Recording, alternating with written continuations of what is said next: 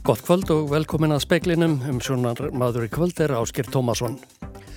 Ríða hefur greinst á öðrum bæ í miðfjarrarholfi. Matvælastofnun leggur til að öllu fjö 720 kindum á bænum síðri urriða á verði lóað. Bóðuð bóluefni Livjafyrirtækisins Moderna sem eiga að nýtast við meðferð krabbameina og hjartasjúkdóma eru ekki svo bylting sem fólk kynni að vona, segir Kári Stefánsson. En ein aðferðin til að hemja lífræna ferla, segir hann, og hún hafi sína kosti og ókosti. Ríflega 17.000 manns fluttu hinga til landsi fyrra, þeir hafa aldrei verið fleiri á einu ári. Baugur Bjóls, stór útsýnispallur á, á bæjarbrún ofan seyðisferðar, fær hæsta styrkin úr framkvæmdastjóri ferðamannastaða í ár. Alls var 550 miljónum útlutað til 28 verkefna. Stríðandi fylkingar í Jemen ætlaði að skiptast á hátt í 900 föngum um helgina. Norska láreglan hefur skotið sex manns til bana á síðustu sex árum. Engin alvöru glæpamaður hefur þó fallið fyrir kúlum láreglunar. Staðfest er að reyðu smitt greindist á öðrum bæ í miðfjörðarhólfi bænum Siðri Urriða á. Eitt síni af 20 sem tekin voru reyndist jákvætt.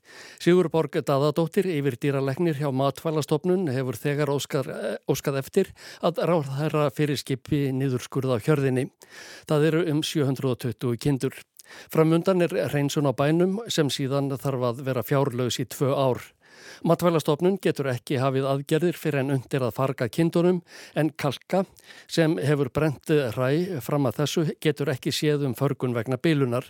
Þá þarf að urða hræin en það er á, á ábyrði sveitarfélaga að annast förgunarmál og þarnast leifis umhverfistofnunar sem Sigur Borg segir að kalli líklega á undan þáu frá umhverfisráðunettinu. Ferlið gæti því tafist eitthvað sem Sigur Borg segir skelvilegt en það söðburður skamt framundan. Sigur Borg segir að smitrakning sé þegar hafinn. Og hérna vitum að þarna er fjöldi fjár sem hefur verið seldur frá bænum síðan tíu ári, þetta er um 200 kindur og einnig keift að bænum en eh, eftir því sem hefur komist næsta þá er þetta um 20 kindur sem ennþá er á lífi. Óttist þið að þetta muni breyða enn frekar úr sér? Já, já, þetta er svo hæggengur sjúkdómur að það er svo, líður svo langu tíma frá því að smita með besti dýr og þá til að klíniski enginni koma fram, það er 1,5 ár til 2 ár að jafna því, getur orðið lengur tími. Þetta var Sigur Borg Daðadóttir, Sunna Karin Sigurþórsdóttir talaði við hana. 28 verkefni fá styrk úr framkvæmda ferðamannastaða í ár. Lang hæsti styrkurinn fer til að gera útsýnispall ofan seðisfjörðar. Lilja Dögg Alfreðsdóttir menningar og viðskiptar á þeirra tilkynntu um útlutunina í Vík í Myrdal í dag. Framkvæmda sjóðurinn styrkir framkvæmdir sem snúað öryggiferðamanna, náttúruvernd og uppbyggingu, viðhaldi og vernd mannverkja. Til útlutunar voru 550 miljónir og fer hæsti styrkurinn eða 158 miljónir í verkefni sem kallast Baugur Bjólfs. Gerður verður útsýnispallur sem situr á bæjarbrún ofan seðisfjæðar en þaðan er einstakt útsýni út allan fjörðin og yfir fjallarhingin. Lagður verður vegur og gerð bílastæði í um 170 metra fjarlagð frá útsýnispallinum. Það er yfir gnæfa tindar fjálsins Bjólfs sem heitir eftir landnámsmanninum Bjólfi sem fyrstur namn seðisfjörð. Næst hæsti styrkurinn fer líka til Östurlands en rúm 81 miljón fer í að ebla öryggi og náttúruvernd við stöðlægil. Þar stendur til að fjölga útsýnispöllum og stígum. Þá má nefna að 72 miljónir fara í að reysa útsýnispall í hlýðum Reynisfjalls á Suðurlandi. Rúnar Snær Reynisson sagði frá. Stjórnlagaráð Fraklands hefur í megin atriðum samþygt ný lögu Emmanuels Macrons Fraklands fórsetta um hækkun eftirluna aldurs. Stjórnlagaráðið hafnaði beðinu um að haldi nýrði þjóðaratkvaðagreisla um lagabreitinguna. Þegar hefur leiðtói franska vinstirflokksins LFI, Jean-Luc Melchion, hitti því að baróta gegn lagabreitingunni haldi áfram þrátt fyrir úrskurðinn. Aldrei hafa fleiri flutt til Íslands en á síðasta ári þegar riflega 17.000 manns fluttu hingað til lands. Tæplega 10.000 fluttu hingað umfram brottflutta. Þar til í fyrra hafðu aldrei fleiri flutt til Íslands en árið 2017 þegar tæplega 15.000 fluttu hingað. Þetta kemur fram í frétt á vef Hagstofunar. Það voru aðalega erlendir ríkisborgarar sem fluttu hingaði fyrra. Fjöldi útlendinga sem fluttu hingað umfram þá sem fluttu af landebrott var ríflega 10.000. Íslenskum ríkisborgurum fækkaði hins vegar um fækkaði hins vegar. 577 fleiri fluttu af landibrótt en fluttu aftur heim. Íslandingar fluttu flestir til Danmörkur og Svíþjóðar. Patrik Þervel, 23 ára karlmaður, hefur verið sagfældur fyrir að kasta eggjum í átta karli breytakonungi. Atvikið varði Jórvík í november. Þelvel var handtekinn á staðnum en ekkert eggjana hæfði Karl sem let sér ekki bregða. Þelvel játaði verknað en lísti sig samt sem áður saklausan í ljósi þess að hann hefði verið að mótmæla ofbeldi af halvu bresku ríkistjórnarinnar. Pól Goldspring, dómari í málinu, dæmdi Þelvel segan og saðan hefði ætlað að telja Karli breytakonungi trúum að hætta stæðjaði að honum. Breytakonungur og Kamila Drottning voru á leðina afhjúpa stittu af Elisabethi Drottningu sáluri þegar Þelvel kastaði fimm eggjum í áttinað konungi. Þá rópaði Þelvel að þetta land hafi verið byggt á blóði þræla. Þá bröðist sumir við með því að kalla Guð blessi kongin og skammastu þín að Þelvel. Þelvel hefur verið dæmdur til að ljúka 100 klukkustundum í samfélagsstjónustu. Ísakar Rekal sagði frá. Öll aðildarfélug BSRB samþyktu kjærasamninga með yfirgnæfandi meiri hluta í dag. Félagar eru um 23.000 en samið var við Ríki og, Reykjavíkur borg. Þetta eru skamtímasamningar sem gilda í 12 mánuði frá og með 1. apríl. Sonja Ír Þorbergsdóttir, formadur BSRB, sagði um mánuðamótin að helsta markmið samningsins væri að verja kaupmátt félagsfolks. Fljótlega þurfi að undirbúa gerð næstu kjærasamninga sem verða þá langtíma samningar. Eblingarfélagar náðu þá samkómalagi, samskonar samningi við Ríki og Borg. Samningurinn hveður á um grunnlaunahækkun upp á tæp 9% auk sérstakra hækkana lægstu launa. Kína og Brasilia byggja stjórnvöld þróaðra landa heims að standa við skuldbindingar sínar í loftslagsmálum.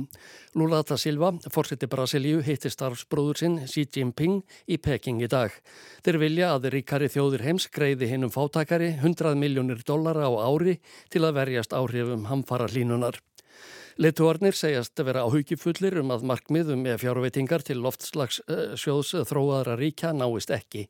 Markmiðið hefur aldrei náðst síðan ríkin skuldbundu sig til þess að greiða til sjóðsins árið 2009. Þeir segja, já framt að þeir vilji að markmiði sjóðsins verði tvöfölduð. KSI hefur staðfest að normaðurinn og Haræde verði nýr þjálfari íslenska karlalandsliðsins í fótbolta. Norskir fjölmiðlar greindu frá málinu í gerð en KSI staðfesti ráðninguna síðdegis. Óge Harendi hefur stýrt fótbollarlandsliðum Noregs og Danmörkur með góðum árangri og verið sigursæl sem þjálfari liða í sænsku, norsku og dönsku deildunum.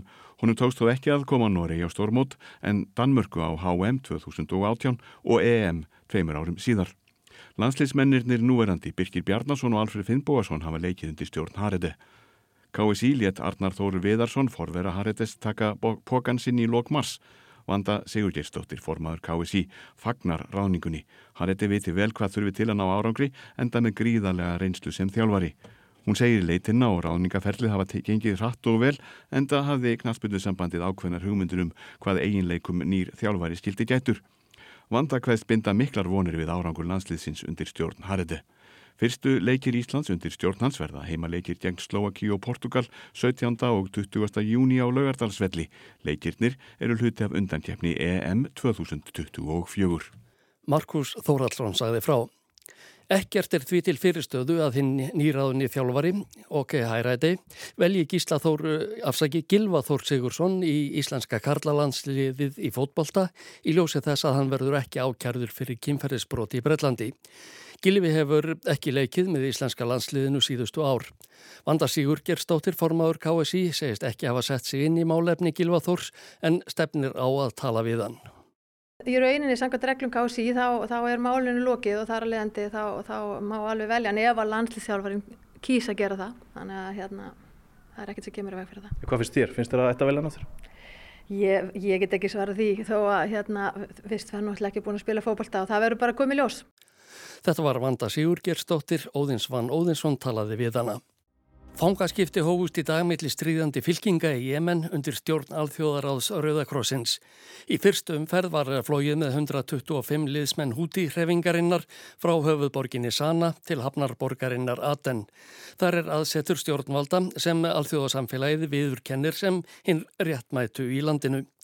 Einnig voru 35 herfangar úr stjórnarhernum fluttir hínaliðina frá Aden til Sana.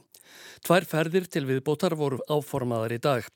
Á næstu þremur sólarhingum er stemt að því að sleppa hátti í 900 striðsföngum og flytja til síns heima.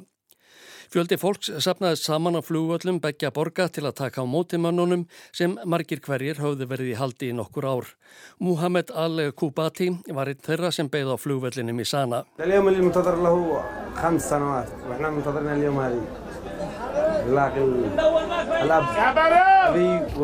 Ég er búin að býða eftir þessum degi í fimm ár, sagði Muhammed Al-Kabadi í viðtalið við frettamann AFP frettastofunar.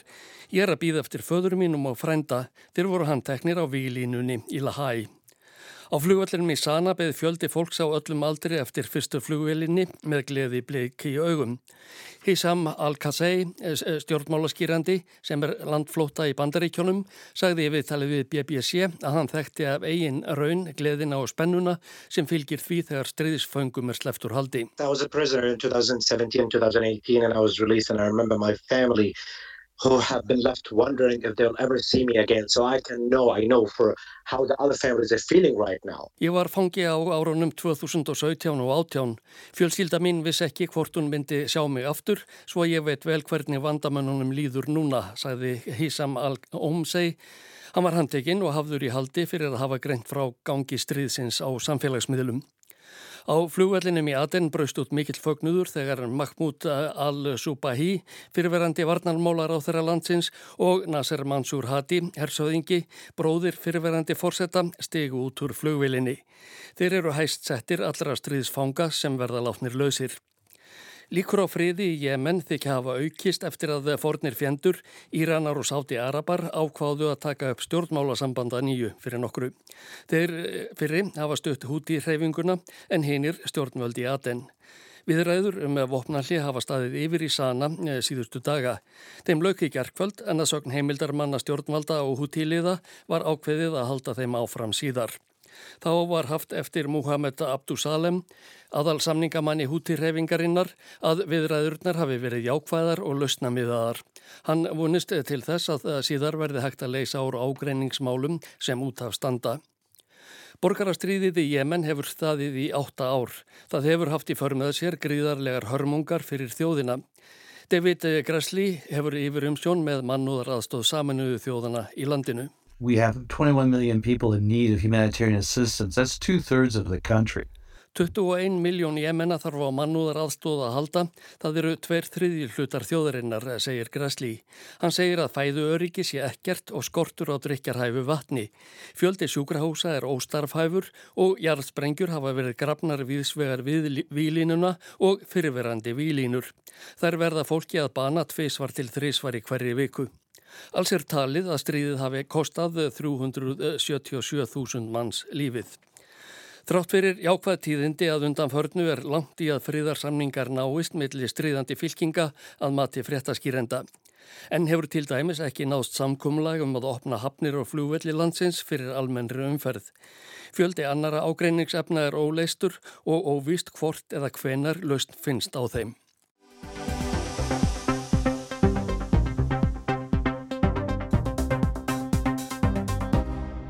Livjafyrirtækið Moderna bóðaði í síðustu viku byltingu í meðferðina ímsu sjúkdóma.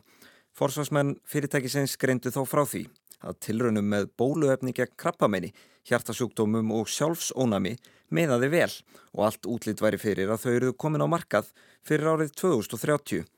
Tilefni til stórkostlerar bjart síni sagði Pól Burton, yfirmaður læknadeildar fyrirtækisins, sem telur bóluefnin verða virkilega áhrifarík og koma til með að bjarga miljónum mannslífa. Hann segir mikið stökk hafa verið tekið í þróun efnana síðasta árið og er vinnu fyrirtækisins við COVID-19 bóluefni engum þakkað. Þegar fólk heyri talað um bóluefni, hugsa það sennilega um fyrirbyggjandi meðferð. Fólk þykkur bóluefni til að koma í vekk fyrir sjúkdóm, en notar það ekki eftir á. En þannig þarf það alls ekki að vera. Í umfjöldum Guardian er því líst hvernig nýta megi mRNA-tækni til að sér sníða bóluefni fyrir sjúkdóma á borðið krabbamenn.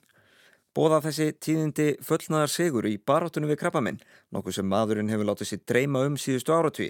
Kári Stefánsson er forstjóri íslenskrar erðagreiningar. Alls eftir ég fæti séð á nokkur haft að þessi sérstaklega byltingatján vegna þess að menn eru í dag að búa til fullta livjum með mótefnum. Sjúkdómar stafa í grunninn af því að lífræðn ferill í líkamannum er annarkort að vinna of mikið eða lítið. Kári útskýrir að öll nútíma livjaframlegsla snúist um að finna þann ferill og prótínið sem stýrir honum og reyna síðan að hemja hann. Stóra vandamáli er að finna lífrana ferilinn sem er uh, farin úr lagi og e, síðan er það ganga úr skuggum að það líf sem er byrð til að þessu aðferð sem við notar, hún virki hún sé, sé kraftmikil og hún vegi eftir öðrum þáttum í, í líkama mannsins ert að meðhandla. Aðferðir moderna ganga út á bólusetja fólk með próteini og láta ónæmiskerfi mannsins þá sjálft búa til mótefni sem heimur þannan lífræna feril. En þannig að ég, mér finnst þetta einhvern veginn eins og jújú, jú, það er enn einn aðferðin til að reyna að hemja lífræna ferla en við höfum ekkert í höndunum sem bendir til þess að það verði effektífara eða betra heldur en aðra aðferðir. Og eitt er víst, segir Kári, vísindamenn hjá Moderna geta ekki komist hjá þeirri þörf að uppgöta fyrst hvað það er sem leiðir til sjúkdómsins. Þá telur Kári að sé varasamt að ætla að fela ónæmiskerfi líkamanns þetta flókna verk að búa til mótefnið. Þetta var sem sagt ekki byltingin sem heimsbyðin beigð eftir, segir Kári. En er einhver von til þess að nokkur uppgötun finnist á næstu áratugum sem muni gjör breyta því hvernig læknavísindin takast á við krabbaminn eða aðra sjúkdóma? Nei, ég held að það sé ekki líklegt að við leysum alla sjúkdóma á þennan haft. Það er mikið af, af tilunum í gjándi við að nota ónæmistjæði til að vega krabbaminn sérstaklega en ekki að sjúkdómum alveg.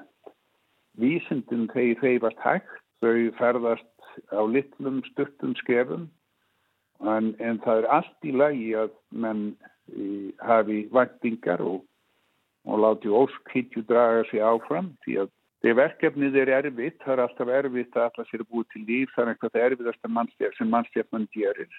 Þannig að þú þarfst að nota alls konar leiðir til þess að viðhalda áhuganum og, og einbindningunni, þannig að ég held að það sé eftir lagi. Þetta var Kári Stefánsson, Alexander Kristjánsson talaði við hann.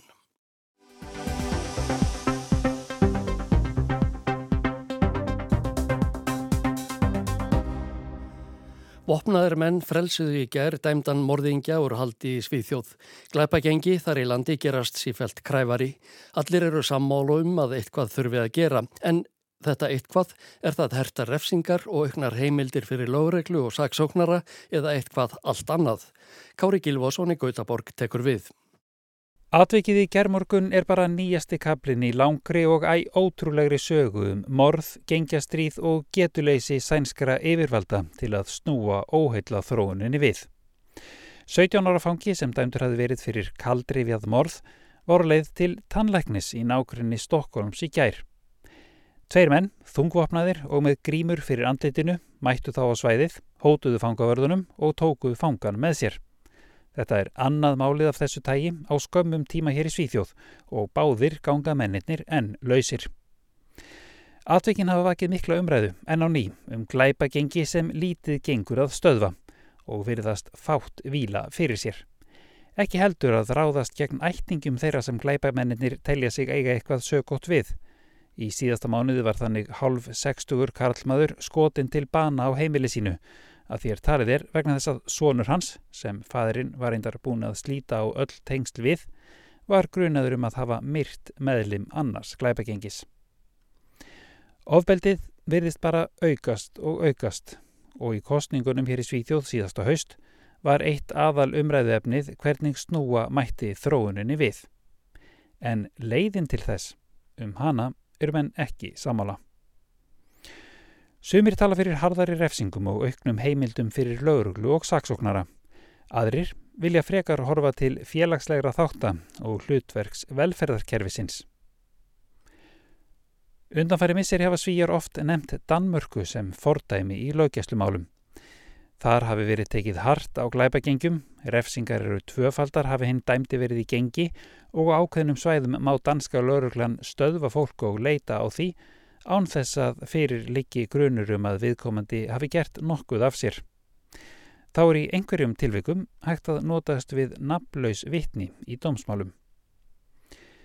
Hér í Svíþjóð hefur líka verið bent á bandaríkin og harðari refsistefnu þar.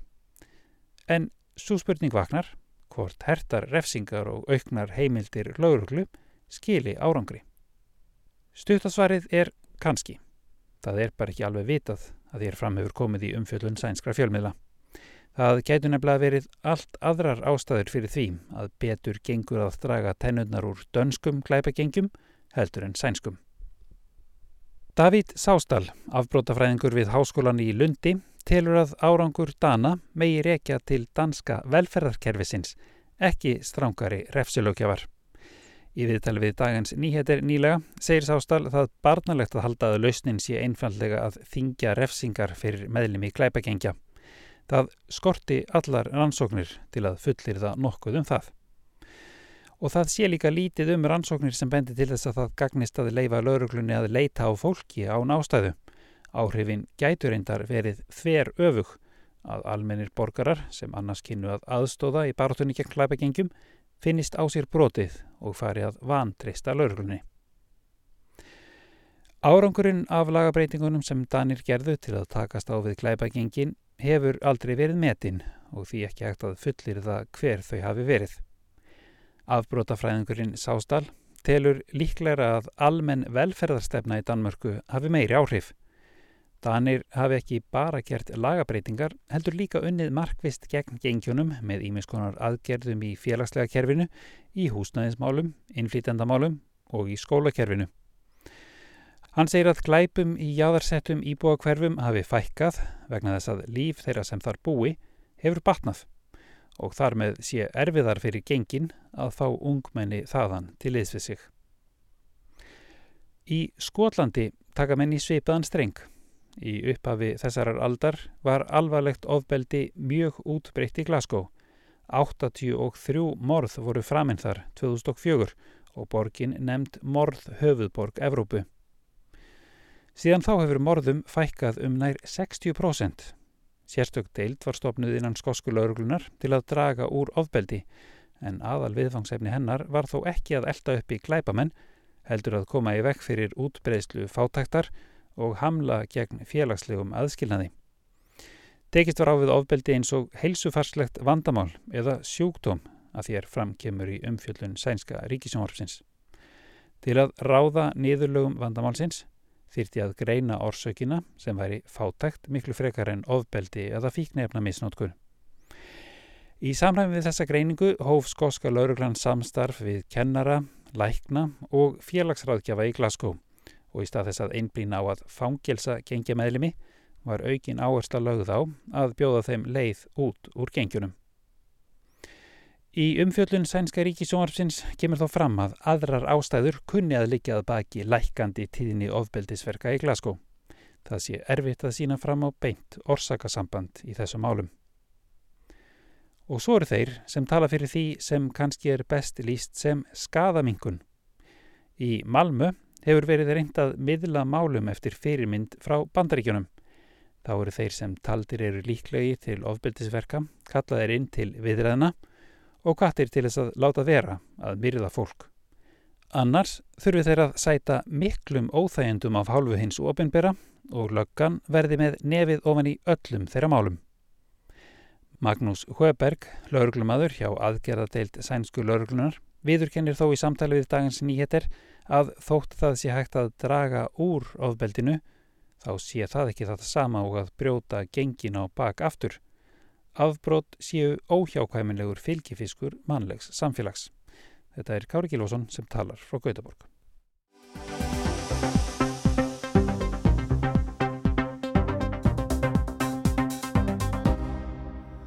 Og frá Svíþjóð til Noregs. Á síðustu sex árum hefur norska lögreglan skotið sex menn til bana. Skotvopn eru tiltak eh, þótt lögreglan beri ekki bissur að jafnaði. En engin alvöru glæpamaður hefur fallið fyrir kúlum lögreglu. Skotvöpnum er beitt við önnur verkefni en að eldast við lögbrjóta. Þetta hefur vækið upp ef að semdir um að vopnaburð lögreglu í Noregi. Gísle Kristjánsson. Þetta er eilíft deilumál hér til lands og einmitt núna er reglan svo að lauruglan beri ekki skotvopn við dagleg störf. Fyrir í vikunni var mælt með því að lauruglan vopnaðist vegna þess að hriðjuverk var framið í smábænu steinkjær í þrendalögum. Maður óg með vilja inn í hóp fólks og eitt létt lífið og nokkri slösuðust. Maðurinn hafði lengi verið undir eftirlitu lauruglu vegna hugmyndum að myrða fólk í stórum stíl. Núna er hins vegar búið að afturkalla kröfunum vopnabur lauröklu þar til annað verður ákveðið. Það er leinilauröglan sem metur hverju sinni hvort ógn steði að almennum borgurum. Sem sagt, engar bissur við almenna þjónustu núna. Síðustu tíu ár hefur lauröglan verið samtalsvopnuð í yfir 800 daga eða jafnaði þriðja hvern dag en hefur vopnaburður lauröklu skilað árangri í baráttu lagana varða við glæpalíð landsins.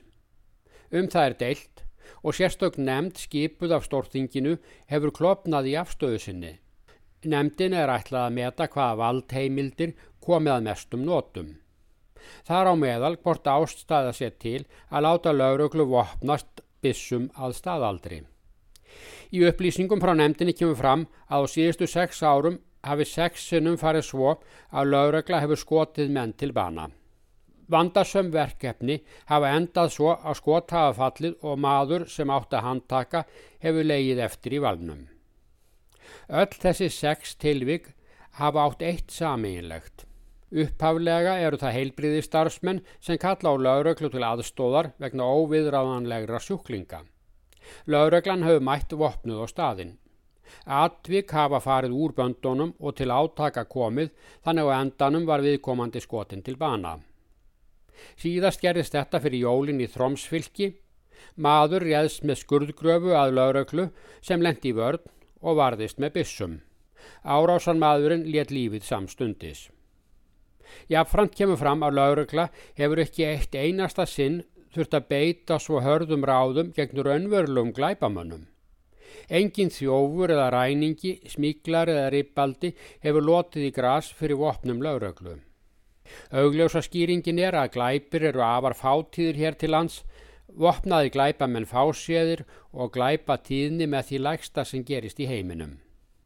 Lauragla hefur líka beitt viðvörunarskotum og jafnvel skotið í fætur og óstýrlátu fólki. Þá hafa rafbissur verið tiltækar við lauröglustörf síðustu átján mánuði. Þeim hefur verið beitt sérstaklega vegna óláta og götum úti og sem svar við að nývar eru oftar hafður á lofti nú í erjum manna en var til skams tíma. Rafbissurnar eiga samt ekki að koma í staðin fyrir hefðbundin skotvopn. Bissur hafa fælingarmátt en hér eru aðeins gefin út bóðum almenna vopnum lauröglu ef grunur vaknar um hriðjuverk eða umfangsmikla glæpi. Jáfnfram beinist gaggrínin að heilbríðiskerfinu. Fólk sem þarf á hjálp að halda fær ekki hjálp. Geðlæknar benda á að alvarlega veikir menn séu látni sjá um sig sjálfur vegna þess að úræðin sem hægt er að beita þykja of dýr. Og fyrir kemur að kalla verður út vopnaða lauröglu til að leysa málinn. Þetta hefur endað með mandrápum sex sinnum á síðustu sex árum. Á hinbógin hefur ótti við að vopnaburður lauröglu leiti af sér hardari glæpamennsku ekki gengið eftir. Að undirheima líður vopnaðist til að mæta vopnaður í lauröglum. Í Svíþjóð eru vopnuð átöku í undirheimum áberandi fréttum. Skotvopnum beitt nánast daglega. Svo hefur ekki farið hér í Nóri þau tíu ár sem liðun eru frá því að nýja reglur um vopnaburð lauröglu voru tegnar upp. Og í lokin er það veðurhorfurnar, norðalag eða breytileg átt, 3 til 8 en norðvestan 5 til 10 austan til. Dáli til regning eða snjókoma, norðan og austanlands og sumstaðar þókusúld við strandina en að mestu létt skíðasunnan heiða. Lægir í kvöld og stittir upp. Það verður hægbreytileg átti í fyrramálið og bjartviðri en skíjað norðan til í fyrstu. Vaksandi suðustanátt og þyknar upp sunnanlands sent á morgun, 5-15 metrar á sekundu, kvassast og lítill hláttar væta síðist annað kvöld. Hitti þrjú til 11 stegadeginum, hlýjast suðuastan til en viða vægt frost í nótt. Fleira er ekki í speklinum þessa vikuna. Tæknimaður var Magnús Þorstein Magnússon og frétta útsendingu stjórnaði valgjörður Þorsteinstóttir. Verðið sæl og góða helgi.